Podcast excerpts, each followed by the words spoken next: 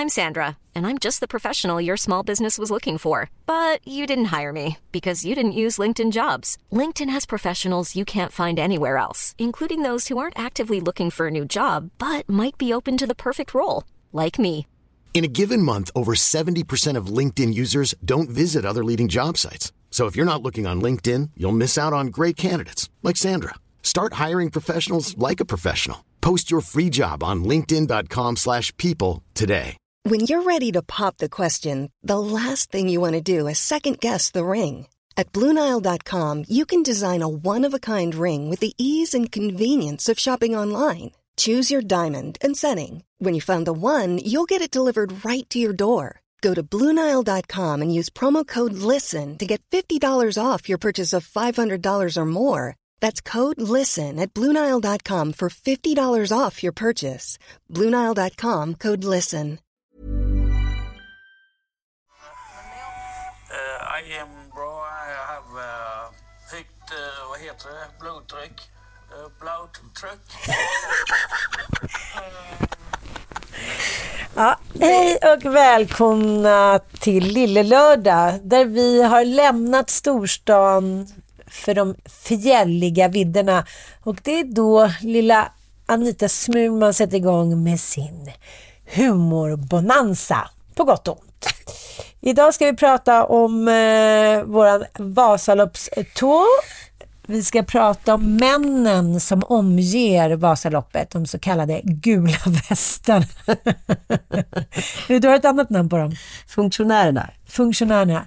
Sen ska vi också prata lite om eh, ja, män i allmänhet ska vi prata om. Nu har vi precis lyssnat på männen Ola Conny och Morgan från deras fantastiska succéprogram En otrolig resa som det hette. Där eh, eh, de åker runt och pratar engelska då på icke... Engelska? Ja, eller vad det nu är. Ja, det är ju kanske raljerande att sitta och skratta åt någon som säger blood pressure.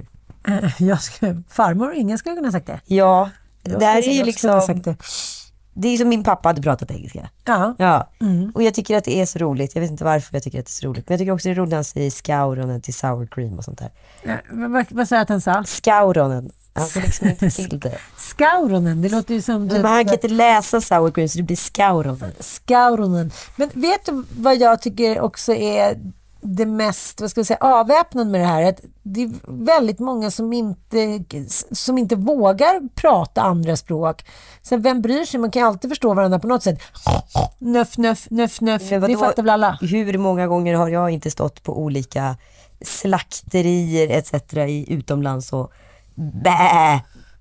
Vadå, nu är du helt plötsligt en farmare. Nej men du vet när man har hyrt ett hus och så ska man ner till den lokala slaktaren för man ska grilla på kvällen. Och så ska man då... Nej, det är ingen förutom du som går Det- ner och slaktar någon. Ja, lokal ska inte slaktare. Jag tror att vi får ta en liten vignett där. Välkomna till eh, dagens Lilla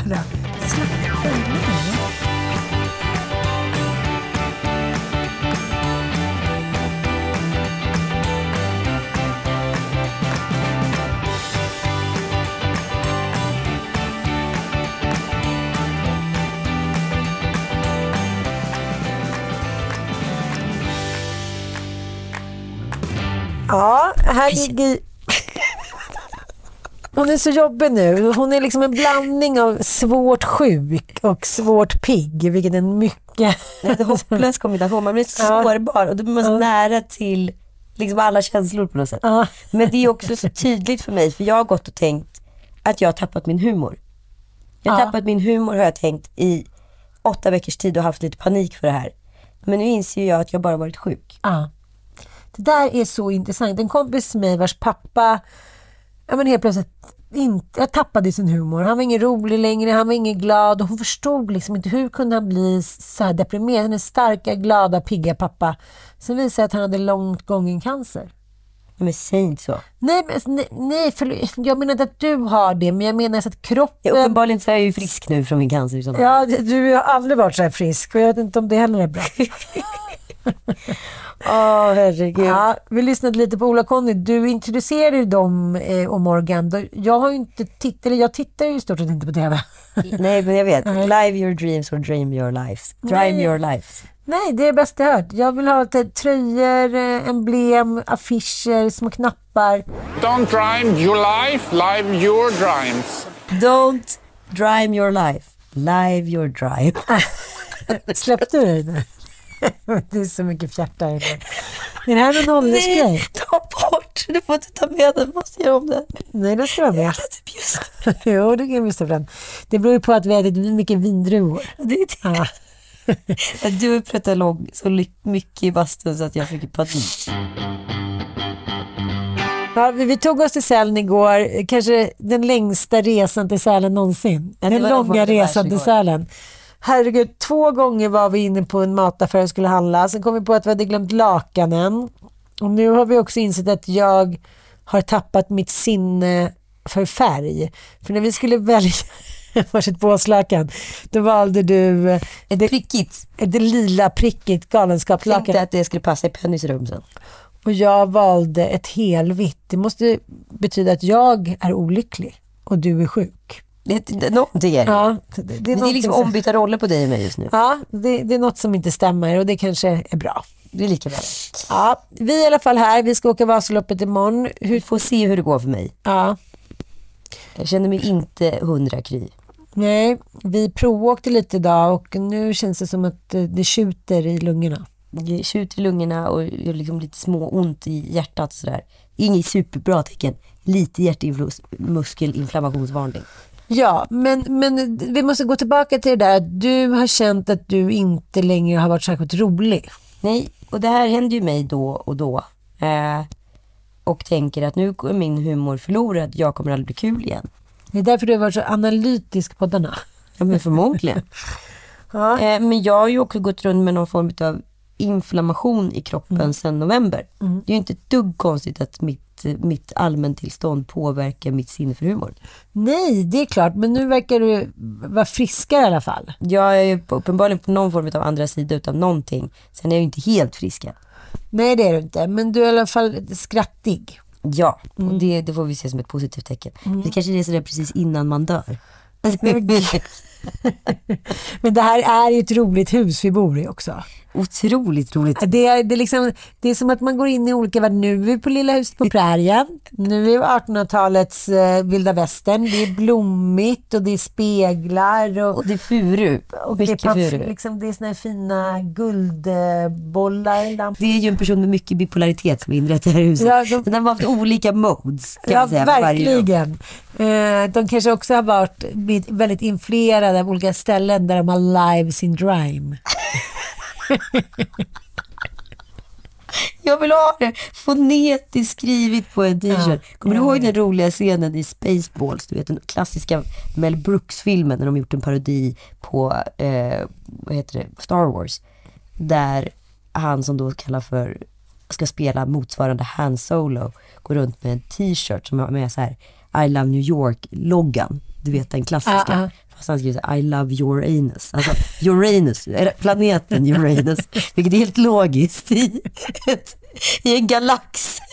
Men det är så fruktansvärt roligt på jorden.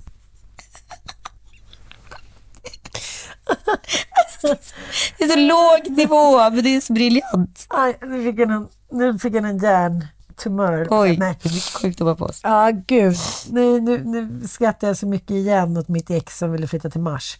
Men jag tycker vi håller oss på jorden. älskar Uranus. Ja, ja, ja. Vi håller oss på jorden tycker jag. Vi håller oss på jorden. I morse så skulle vi då åka iväg och du eh, började ju med att göra bort dig Direkt. direkt. Vi skulle då, eh, vi slog på stora trumman med vår ganska flådiga bil. Det är ju inte Bettan, utan Bettan, min gamla Volvo, är utbytt mot en flådig, Audi A5 Ja. Quattro. ja, riktigt trevlig. Dubbla. Känner mig, jag vill liksom inte släppa ifrån den här bilen. Nej, jag har ju fortfarande inte fått köra. Det är klart att du får. Så kommer vi och så ska du liksom på ditt Stockholmssätt. Ah, vi är press, vi jobbar för TV4, vi ska spela in med Emil Hag, Jönsson Hag. Mm, han är så här, jaha okej, Proof, please. Han har en gul väst såklart. Och då är Anita som, oklart varför du har satt dekalen bak på... Klockan var, vi ska vi börja med att det klockan var fem på morgonen när vi gick upp. Jo, men varför skulle du sätta den på bakfönstret? För att jag trodde att den skulle vara på bakfönstret.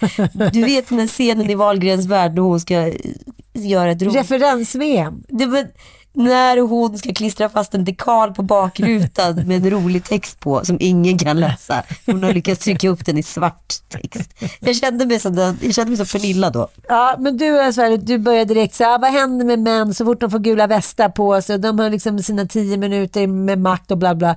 Men sen när vi stannade i Vasaloppsstarten och vi skulle bort kolla, då eh, så, så var det ingenting på den här lappen. Den var blank. Jag hade satt den bak fram. Den skulle sitta på insidan Ja. utav fönstret och ut så att text var ju in mot oss. Ola-Conny framstår som ett geni jämfört med dig. Ja, men det är ju någonting så fort män får på sig reflexvästar som gör att jag också triggas för att helt plötsligt får de så mycket makt. De blir också hobbypoliser. Ja. Eh, de blir Parkeringsvakter, parkeringsvakter. De, liftskötare, de blir allsmäktiga på ett sätt som är hundansvariga. så opassande. Ja, vi har träffat må- många, var trevliga också, hjälpsamma, men Men vi är tre, tre män på en dag Ja. som tillrättavisat den på ett sätt som att jag är 14 år. Du vet som mannen på operan som slog mig på handen. jo, Den typen av känsla har infunnit sig vid tre tillfällen idag. hela dagen. Ja. Men jag, kan, kan vi inte hitta en gemensam nämnare på de här männen? De är ju inte 22. Nej det är det absolut inte. Eh, Fast de, jag var med om en reflexväst på Gröna Lund när jag var där som klassförälder. Jag var där som klassförälder, jag stod längst bak i ledet med, och sen så hade jag en massa barn framför mig och så stod de andra klassföräldrarna längst fram i ledet. Då skulle jag överräcka våra liksom, åkband till de föräldrar som var längst fram i ledet så att de kunde, för vi hade ju delat ut allt längst bak. Då går jag liksom utanför ledet för att nå klassföräldrar fram i ledet.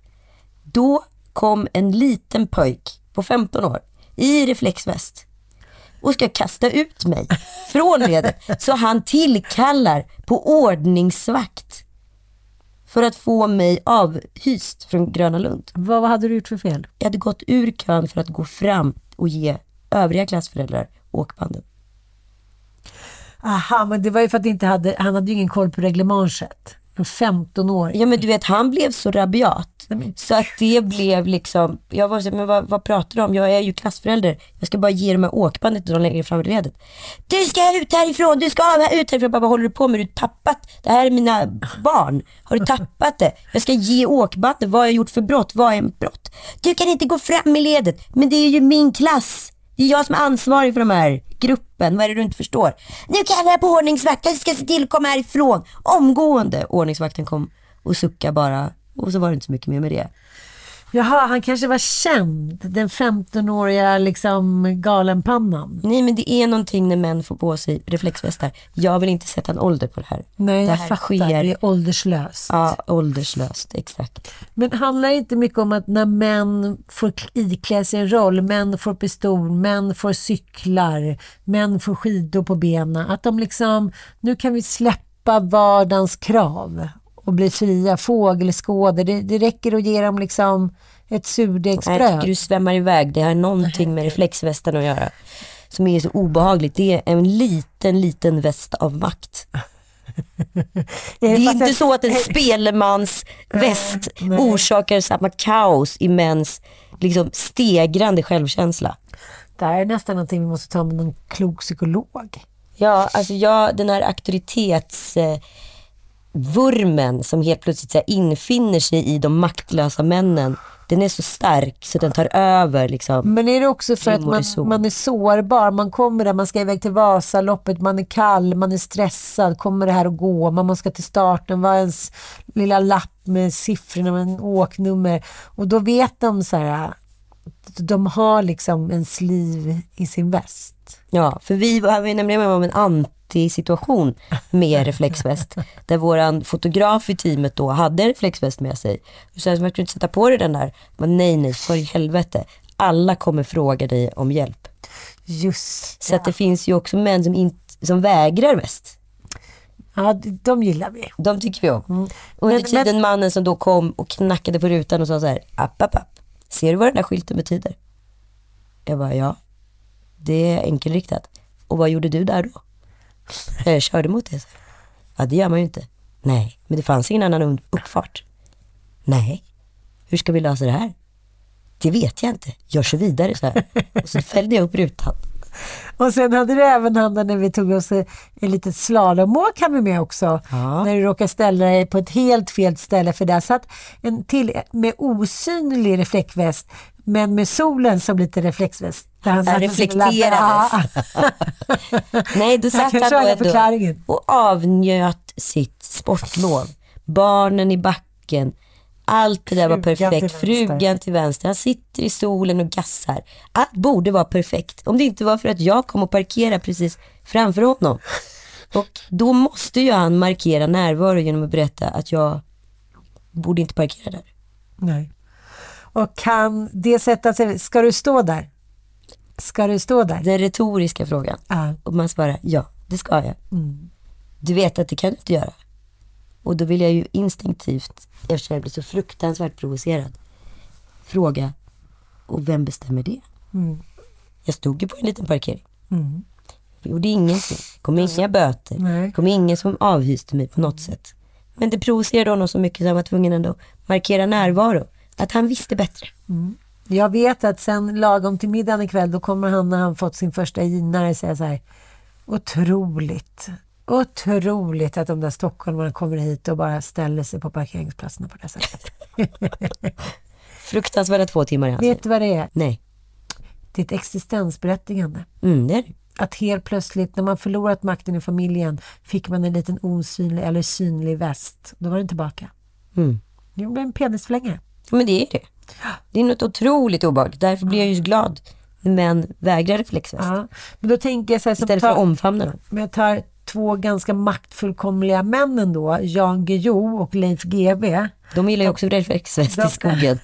De har ju också de har ju den här jaktvästen. Ja. Som kan vara både lite fluffig och plyschig och ha liksom lite mysfarbror över magen. Men den kan också vara lite kaki. Alltså västen, den betyder mer än vad vi tror. ja, alltså det är mycket i västen som vi inte känner till. Freud kan ha en förklaring. Vi, vi, vi får leta vidare.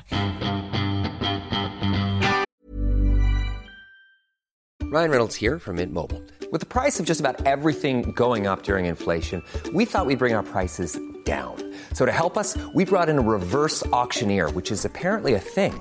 Mint Mobile unlimited premium wireless. Ready to get 30, 30, bit to get 30, bit to get 20, 20, 20, bit to get 20, 20, bit to get 15, 15, 15, 15 just 15 bucks a month. So, Give it a try at mintmobile.com slash switch. $45 upfront for three months plus taxes and fees. Promo rate for new customers for limited time. Unlimited more than 40 gigabytes per month. Slows. Full terms at mintmobile.com. Hey there, it's Michelle Norris. I'm host of a podcast called Your Mama's Kitchen. When I travel, I'm usually looking for a way to find a taste of home when I'm not at home. And one of the things I love to do when I am at home is entertain. And Airbnb allows me to do that. When I was in California recently, I rented a house that had a great kitchen. And when we were sitting around the table, we were all thinking, we're in someone else's house. Someone could be in all of our homes as well. If you have a home, but you're not always at home, you have an Airbnb. Your home might be worth more than you think. Find out how much at airbnb.com/slash host. Från ett par västar till några andra västar. Vi har ju sett klart Hotell Romantik. Ja. Där var det mycket västar också. Ja men allt ifrån små spelmansvästar i läder till liksom lite schysstare, vad ska man säga, Under kavajen. under väst. kavajen-västar. Ja. Sen lite fritidsvästen också, lite längre. Absolut. Kakig. Ja men ja, gud ja. Ja. ja. Mycket fickor så man får plats för mycket grejer. Ja, ja, det är bra. Man kan ha lite snorpapper och lite snusis. Och, ja, det, det, kanske också en liten, eh, vad ska jag säga, en liten översättnings... Eh, ordbok. Parlör. Jag var djupt imponerad av sista avsnittet. Det vände och det... Men kan vi prata om våran favorit Claudio? Som har känts som den liksom gulligaste människan på jorden. Man kände så här, att det finns en här.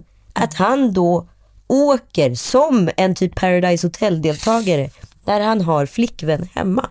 Nej, inte flickvän med lilla mygga, fru. Fru hemma. Det är inte det heller att han står för utan han skyller på att hon kommer från Ukraina och inte kan språket. Det vill säga Claudio, det där är för lågt. Det är för lågt. Det är för lågt. Det var många män som föll. Men Roger, Roger som har varit ihop med Monica. Som har känts liksom som den mest genuina personen och en match made in heaven. De var ju snygga, det var liksom, de hade snygg, det var snygga frisyrer, kläder, rätt bränna, bra naglar, liksom allting var frisörpastör. Ja. Vad höll han på med? Han ghostade henne. Han gaslightade henne när de kom hem. Ja. Hon var så vad händer? Liksom, var vi inte kära? Är vi inte ihop? Nej, han har inte ens svarat. Eller apa. Nej, Jag är så upprörd, jag är så fruktansvärt upprörd. Ja, och sen hade vi ju Göran och Maria. Och Maria blev ju verkligen ledsen när Köris bara gick därifrån. Jag märkte att han var väldigt blyg. Han visste inte om han gjorde rätt eller fel. Jag tycker det var ganska rörande. Verkligen starkt och man såg att hon blev så besviken och så ville hon ändå skoja bort det. Kommer det där nervösa skrattet och alltihopa. Och sen så ändrade han sig. Ja, så han ringde upp henne. Mm. Det var ju modigt. Det var väl modigt, peppad utav döttrarna. Ja, och nu när man såg på återträffen så var han ju så kär så att han var ju som en klockarkatt. Ja men gud ja. Men det Vet kan ju också vara det där, jag kommer ihåg när jag återigen gjorde Robinson och man var ju så kär på den där ön och jag kom hem och sen helt plötsligt kom liksom Stockholm till en. Och man bara så här, hur ska jag kunna stå för den här killen? Ja. Med de där, eh, den där frisyren och de där Exakt. korta brallorna. Och så här, hur ska jag kunna presentera honom för mina kompisar? Det här känns inget bra. Ja. Det, det är ju jobbigt när verkligheten kommer ikapp. Men det där kan handla om två grejer. Dels att man tycker att hen inte passar in, men det kan också vara att man håller på att bli kär och därför försöker hitta fel. Det är en gammal klassiker. Jag kommer ihåg när jag var tillsammans med Mattias, då sa Nisse Hallberg så här, aha, när kommer börsmäklaren då? Är det börsmäklaren eller? Aha, nej just det, det var Gant-modellen, du vet. Jag säger, så när han väl kom då, då kändes det som att liksom, typ, kvinnorna och männen som typ hippieraukarna och att han kom in och var fast han liksom, ja, men kom i munkjacka och typ mjukisbrallor. Så att, eh, ja, det är inte helt lätt det där, men det var väldigt fint att se. Sen har vi det andra paret som överhuvudtaget hade försökt när de kom hem. Alf och Anna. Och där var då, där insåg man också eska, eskapismens liksom, vad ska man säga, glorifiering av romantik och kärlek. Det enda Alf ville var att de skulle åka iväg igen. För det var den där lilla sårade pojken som var, "Åh, här hemma så är det massa barnbarn och det. Det var inte bra, utan han ville ha henne för sig själv. Ja, ja precis. Det var ju liksom jobbigt med livspusslet. Ja, att, liksom, att, att inte han fick hennes odelade uppmärksamhet på ett lyxhotell i Schweiz. Så det var hans förslag att nu, nu fick de åka iväg igen. Så det, det, ja, det, ännu en gång så blev det lite så här, när männen kom hem i vardagen så ville de inte vara vuxna män, de ville vara 13 år forever never pojkar. Är det här någonting som säger, finns det inga män som växer upp? Men det var ju intressant, jag såg ju däremot någonting som fascinerade mig eftersom det är en sån, och vi har ju pratat om det här flera gånger, att det är mycket, många som vill ha fina titlar men har otroligt mycket liksom ansvarsbrist. Och eh, Runar Viksten, han som har varit liksom utredaren i den här väldigt omdiskuterade överläggningen om Mats eh, Lövings skuldebörda, så säger han så här, någonting som jag inte läst på flera år. Jag har också klargjort hela tiden, även under presskonferensen, att ansvaret för den här utredningen är bara mitt. Jag står för allting som jag redovisat där i, inklusive det övervägande som jag tycker att rikspolischefen har all anledning att göra. Det här var alltså något så ovanligt 2023 att en man sa att han var ansvarig för någonting som han själv hade utrett. Exakt, och han bar ingen reflexväst. Nej, Han ville inte lägga skuldbördan på någon annan. nej. Han tog fullt ansvar. Du vet att jag läser den här ledarskapsboken av de här killarna som har varit i Navy Seals. Och det första jag tänkte på var så här, shit, han måste ha militär bakgrund. För att det här är väldigt militäriskt, för där handlar det väldigt mycket om att våga ta ansvar. Det är deras liksom absolut största ledarskapstips. Att så här, stå för det du gör och ta ansvar. Skyll inte på fan och hans moster utan så här, våga bliva vid din läst på något sätt. Liksom. Men det är också det, om man ska jämföra med eh, den övriga eh, liksom, delen av världen, så är det så att han hade ju också mandat. Det är liksom, han behöver inte bli backad för att han vet att han är tillräckligt kompetent. Så att om han tillsammans med sina underordnade har kommit fram till det här, då vet han att det är rätt och riktigt. Men säg exempelvis den 22-åriga eller 40-åriga sociala mediechefen som älskar sin titel så mycket, som skulle stå säga så här, jag tar fullt ansvar för det här. Nej, det, det Jag, är jag många- tror inte jag stött på någon. Nej, inte jag heller. Och Det är väldigt många som vill ha titlar, men det är väldigt många som så här, ja, går och gömmer sig bakom ett skåp när det blåser. Precis, för att halva grejen med att få en titel det är för att man ska förtjäna den på något sätt. För att man är ytterst ansvarig. Ju högre upp i liksom hierarkin du puttas, frivilligt och ofrivilligt, desto mer kommer det med ansvar. Om du hela tiden är högt upp i hierarkin men puttar ner ansvaret, då är ju du en dålig chef. Det är lite det här jag läser om i den här ledarskapsboken. Så jag blev väldigt så här, trots utredningens liksom, eventuella brister eh, och skuldbörda och så vidare, så tycker jag att jag blev ändå väldigt, liksom, jag får inte säga positivt överraskad, men Nej, jag blev väldigt nej. liksom tagen utav hans, eh, Icke äpplen och päronsvar. exakt, Vi fortsätter tycker jag att hylla och sänka männen som är både nära och inte nära oss. Vi har ju så många olika kategorier av män. Ja, och vi liksom också förra veckan där vi pratade om att vi ska inte vara så raljanta runt män, men däremot, man åker bil länge så, så kan man ju prata om män på olika sätt. För det finns olika liksom, manstyper. Bruna Wiksten var en manstyp som är liksom ansvarsstark. Så finns det ju väldigt många ansvarssvaga män och det, jag skulle vilja kalla dem, många män, för drönare. Du vet drönare som är i bisvärmen. Ja. Eh, ja men som vars enda uppgift är att arbeta och fram till den dagen de förstår att de kan, ska börja pollinera. Det vill säga befrukta Ja. eh, drottningen för att kunna skapa nya bin. Då får de en uppgift och då blir, det, blir de liksom viktiga helt plötsligt. Ja. Och drönaren blir väldigt färgad av sin kvinna. Den är ju i grunden en rätt så här, jag-svag man som så här, blir väldigt mycket sitt sammanhang. Så fort Ja. han eh, träffar en kvinna eller skaffar en familj. Jag vet ju många liksom, män som har varit liksom en helt annan typ av man när han levt ihop med en annan typ av kvinna än den han lever med ihop nu. Och så vidare. Och det här är ju så jävla spännande fenomen. För jag skulle vilja liksom använda den här drönareffekten på rätt många män, inklusive gula västarna. Innan de får på sig gula västen så har de inget berättigande. Så fort de får på den gula västen så får de det. Ja. Eh, så att det, är så här, det verkar som att många män är teflon. Men eh, det tror jag, men det är ju många kvinnor också, kameleontkvinnan som är så här, blir det som den mannen behagar att man ska bli. Men jag tror att det handlar om hos många män, det är lustigt att vi pratar om män, det är så många gånger som jag har sagt att nu orkar jag inte ägna eh, ett, en podd eller en tjejmiddag eller en bilresa till om en och sen så halkar vi in där. Det är någonting som vi ändå som vi gillar med dem tror jag då. Ja, Och men det är, de är ju fascinerande liksom. Vi, vi lever ju också nu i, i, i på undervåningen i vårt hus så lever ju också tre män. Vi tror det i alla fall. Vi tror det. Vi ser dem inte så ofta. Men jag bara undrar, i paritet till hur mycket vi pratar så, så pratar männen om oss en tusendel. Oh, gud ja! Det, känns inte det trist? Att, det är därför vi pratar om det. Är Att vi så kompletta och fulländiga?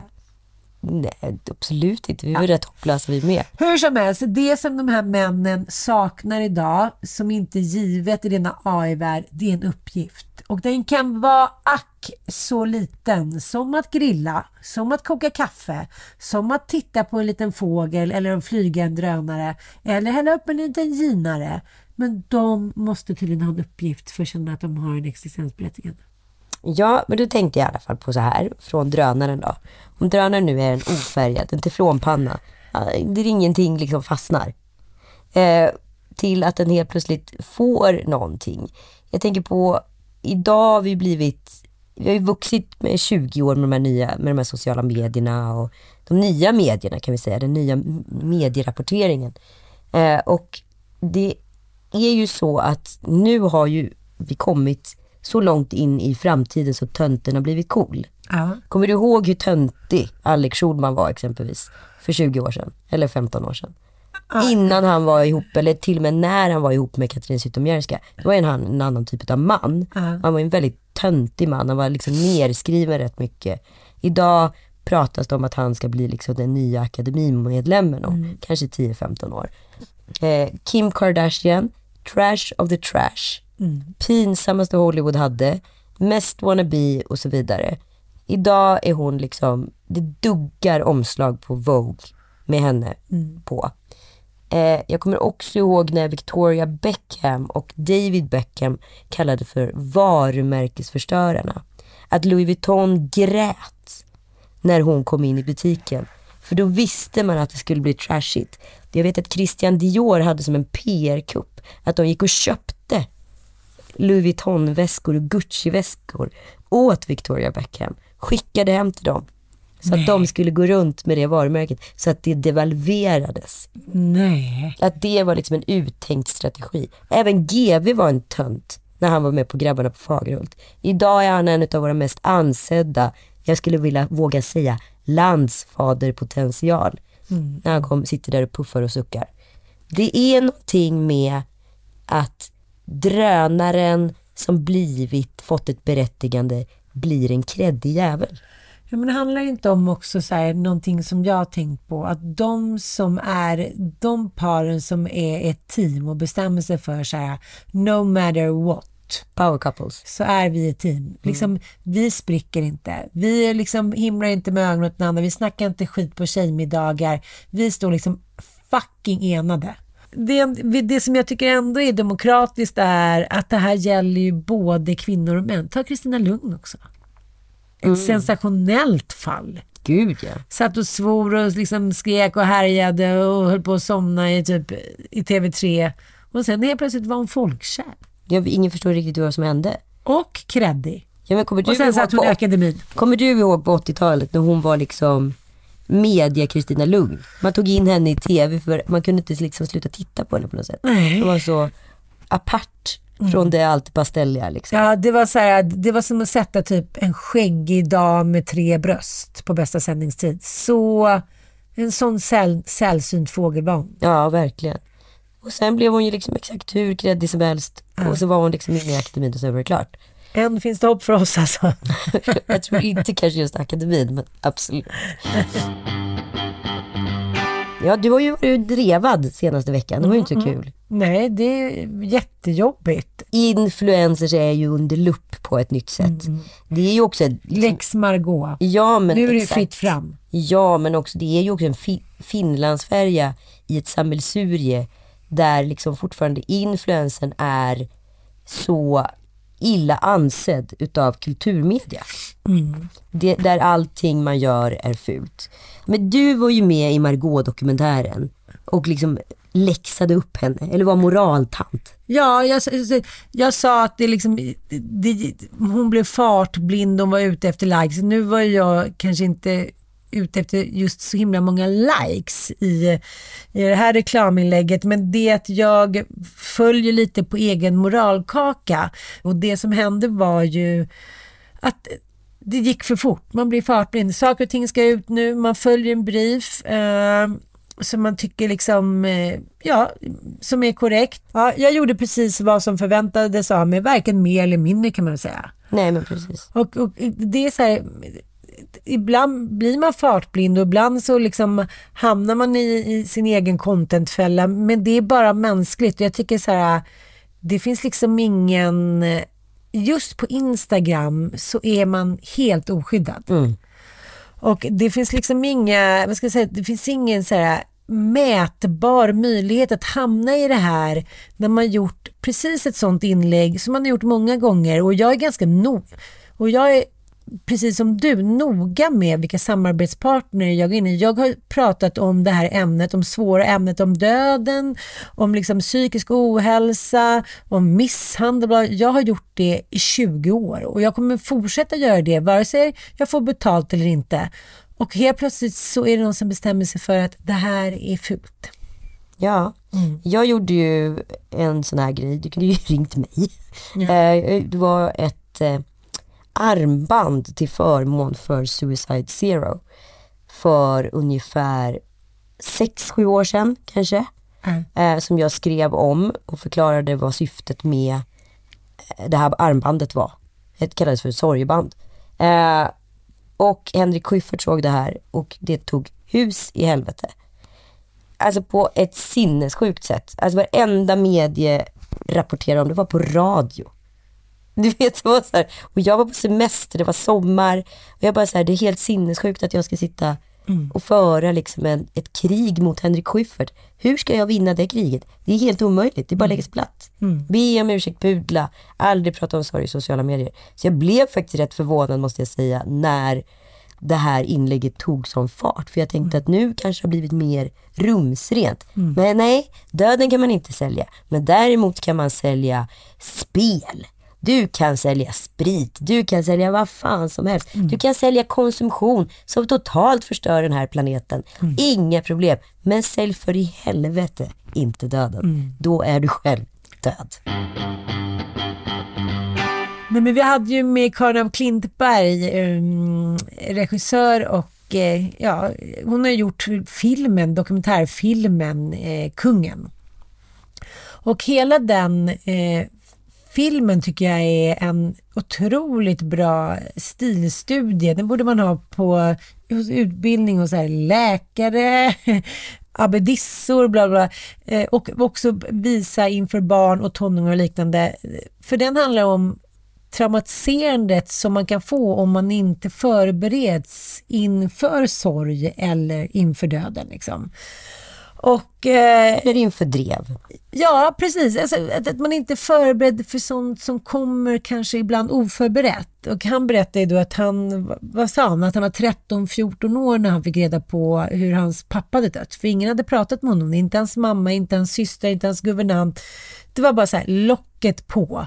Vilket gjorde att han gick omkring och sa pappa pappa till alla möjliga. Mm. Han visste ju inte ens vad det var. Det var det man trodde att äldre man kallades. Ja, och sen så sa han någonting som gjorde så otroligt starkt intryck på mig. Det var därför jag hade först tänkt skriva om just den här filmen. Eh, och då sa han så här, min mamma var ju sjuk i cancer, men jag ville inte att hon skulle tappa ansiktet så jag ville inte säga till henne att jag förstod hur sjuk hon var och hon sa inte det till mig. Så även fast hon var döende så åker han till London och då dör hon och sen ångrar han det liksom, eh, resten, av sitt liv. resten av sitt liv. Klipp till någon halvtimme senare, de intervjuar vår framtida då monark, eh, prinsessa Victoria. Och så säger eh, Karin en jävligt vettig sak. Hon säger så här precis när du kommer få det här ämbetet, då, kommer du ha varit, då är du precis drabbad av en jättestor sorg. Din pappa kommer ha dött. Och då ska du kliva upp och vara liksom någon landsmoder och landsfader och vara jättestark inför liksom, det, det, det är ganska ja, men makabert krav. Liksom. Nu sa hon inte exakt så här. Och då sa Victoria, vi pratar inte om döden hemma hos oss.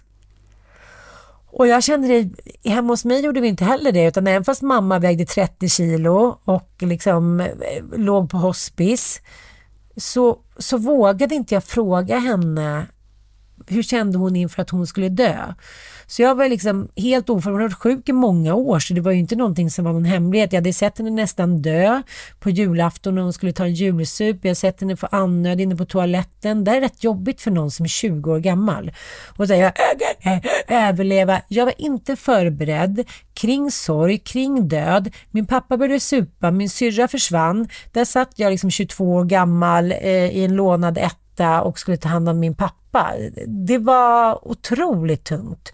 Och sen dess har jag försökt slå ett slag inför att vi måste prata om det, vi måste få hjälp och bli förberedda. Jag vill också att vi ska minnas de som är döda. Det är vi också superdåliga på i det här landet. Att så här, ha en fest eller gå ut och minnas de döda. Det, nej, utan det, nu är det så. Nu pratar vi inte mer om det. Jag vill levandegöra de döda. Jag, jag vill att de ska få leva kvar i vårt minne, de som vi älskar. De som var skitstövlar behöver vi inte Ja, så alla sorgeparasiter där ute. Jag har ju en sån här eh, anteckning i min telefon. Mhm. I händelse av min död. Har du? Mm. Och där står det exakt vad jag önskar utav min begravning, vilka låtar som ska spelas, vad folk ska ha på sig, vad jag förväntar mig ska ske på efter begravningen, eh, vilka bilder jag vill ska visas och så vidare. Jag berättar för Joel att det här dokumentet finns. Mot förmodan, om det skulle ske, behöver användas, så finns det en instruktion där i på hur jag ser på mitt efterliv, så att säga. Och det är jätte, liksom, han blev jätteskakig och tyckte det var jätteläskigt. Men jag försöker också vara jätterelevant runt det. Att det här, jag skulle bli galen. att jag skulle bli galen om liksom, det, det inte blir på det sättet som jag önskar. Jag har ju ingen rätt att bli galen eftersom jag redan är död. Så jag kan ju inte påverka det. Men man måste kunna prata om det. Och jag tänkte det när jag läste om den här Joan Didion-boken, Ett år av magiskt tänkande, att vad makabert det är när, när någonting så starkt har drabbat en. Man är i chock, man är inte sig själv, man, liksom, man försöker tänka magiska tankar, man vill ha tillbaka den andra. Mitt i det här så ska man ta rationella beslut. Jaha, ska vi, vem ska köra liket från bårhuset? Man bara säger Va? Nej, jag vill inte, det, det ska inte ens vara ett lik. Man ska välja blommor. Det gjorde jag och min syrra. Var helt fel blommor. Knallrosa fula rosor som låg där på kistan. Alltså det är så otroligt mycket som man ska liksom ta tag i och folk förstår inte hur tärande det är. Och liksom också som jag då som inte har någon dokumentation på vad min mamma uppskattar. Hon har varit sjuk i demens de senaste 15 åren. Och vi har, han vill aldrig prata döden. Nej. Jag vet inte vad hon gillar för blommor ens en gång. Hur vill hon att hennes kistdekoration ska se ut? Sådana där grejer är så relevant. Vi ska väl aldrig prata om det. Och liksom tillbaka till ett tvärtkast här, tillbaka till drev och drevkultur. Att vi lever i den här världen där vi hela tiden på ett eller annat sätt utsätter oss, självklart eftersom vi har valt den offentliga vägen, men också blir utsatta, eh, så är det en otrolig liksom, stress och pressfaktor. Jag ska inte säga, eller dra någon som helst parallell, eh, att liksom Mats Löving fick en offentlig körnhalning, att det är i kombination med de besluten som togs av polisen, såklart påverkade hans psykiska mående. Det är en väldigt specifik situation att bli så utsatt så offentligt och så hårt vid så många tillfällen. Och är du inte Ebba Busch, som är så van att få den här steningen offentligt. Och bara ta det, svälja det och gå vidare, typ kungen.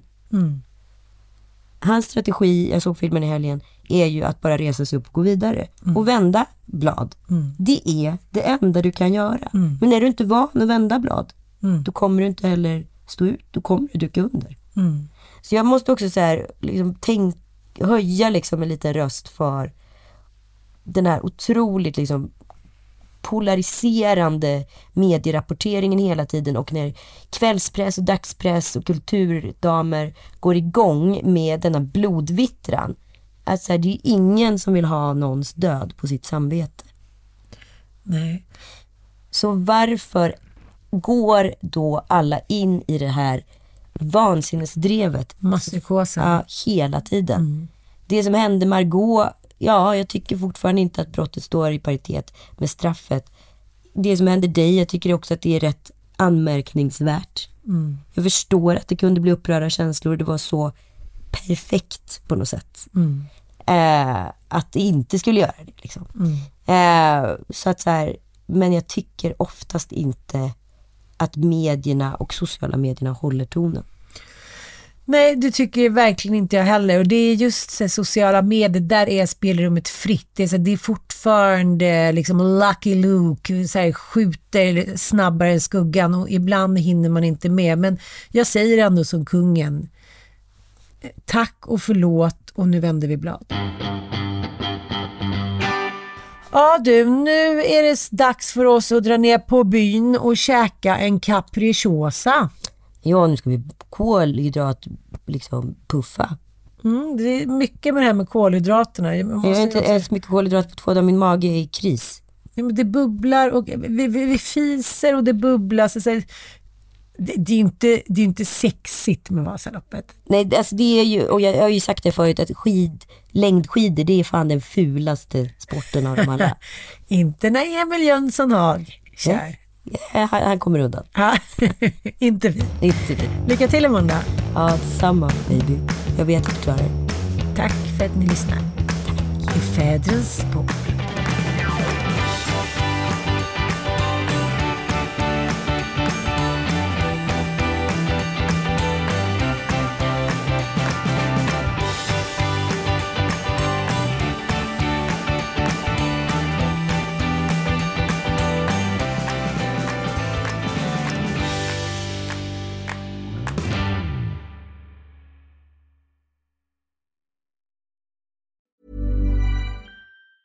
Hey, it's Danny Pellegrino from Everything Iconic.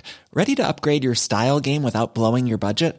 Check out Quince. They've got all the good stuff shirts and polos, activewear, and fine leather goods, all at 50 to 80% less than other high end brands.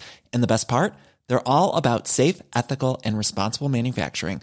Get that luxury vibe without the luxury price tag. Hit up quince.com slash upgrade for free shipping and 365 day returns on your next order. That's quince.com slash upgrade. Mom deserves the best, and there's no better place to shop for Mother's Day than Whole Foods Market. They're your destination for unbeatable savings, from premium gifts to show-stopping flowers and irresistible desserts. Start by saving 33% with Prime on all body care and candles. Then get a 15-stem bunch of tulips for just $9.99 each with Prime. Round out Mom's menu with festive rosé, irresistible berry chantilly cake, and more special treats. Come celebrate Mother's Day at Whole Foods Market.